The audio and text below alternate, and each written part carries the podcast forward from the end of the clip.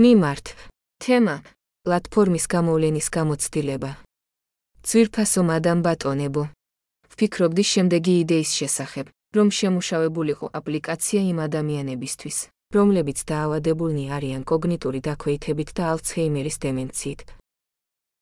როგორც ცნობილია, პაციენტები დაავადებებით, რომელთა ძირითადი მახასიათებელია კოგნიტური დაქვეითება, ალცჰეიმერი ან სხვა დაავადებები, სადაც არის დემენცია, თანდათან კარგავენ ბევრ შესაძლებლობას, როგორიცაა მოკლევადიანი მეხსიერება ან ყოველდღიური ფუნქციონირება. იდეა არის პროგრამული უზრუნველყოფის შექმნა ან სისტემა, რომელიც შეიქმნება ამ სიტუაციაში მყოფი ადამიანებისთვის.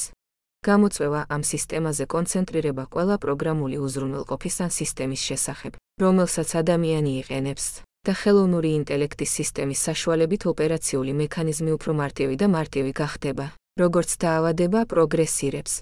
რა თქმა უნდა, იმისათვის, რომ შეიქმნას სისტემა ისე, რომ რაც შეიძლება ზუსტად მოერგოს მას, ვინც იყენებს მას, აუცილებელია მკვლევარებთან, შემეცნების დარგის მკვლევარებთან, აგრეთვე ნევროლოგებთან თანამშრომლობის შემუშავება და კონსულტაცია. სისტემის მიზანი, რა თქმა უნდა, არის საშუალებას მისცემს ადამიანებს, რომლებიც იყენებენ კომპიუტერს სხვადასხვა მიზნებისთვის და დემენციის დროს, სრულად არ დაკარგონ წვდომა იმ სისტემებზე, რომლებსაც ისინი იყენებდნენ მრავალი წლის განმავლობაში. ამით გაუმჯობესდნენ მათი ცხოვრების ხარისხი მნიშვნელოვნად მაინც ძალიან ბევრია დაავადების სიმპტომების შედეგად. ჯერჯერობით თავად იდეა. მიუხედავად იმისა, რომ ეს არის იდეა, ვფიქრობდი, რომ ჩემს პირად ცხოვრებასთან არანაირი კავშირი არ მქონდა. მე აღნიშნავ, რომ ყველაფერში, რაც პირადად მე მაინტერესებს, უამრავი საკითხია გასათვალისწინებელი. ერთი მე არ ვარ საშუალო სკოლის პროფესიონალი და არც პროფესიონალი ტვინის კვლევის სფეროებში. შემეცნება ან ნევროლოგია და ამ მიზეზით მე ვერ შევძლებ ასეთი პროექტის განხორციელებას ეტაპობრივად.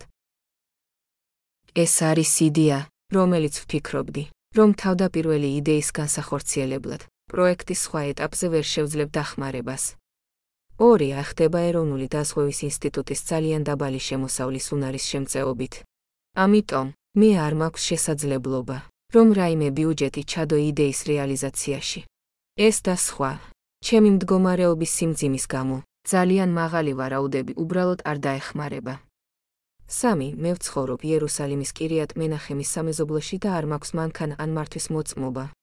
ჩემი ჯანმრთელობისა და ფინანსური მდგომარეობის გამო, ასევე არ არსებობს გზა, რომ მომავალში მართვის მოწმობა ან ავტომობილის შეძენა შემიძლია.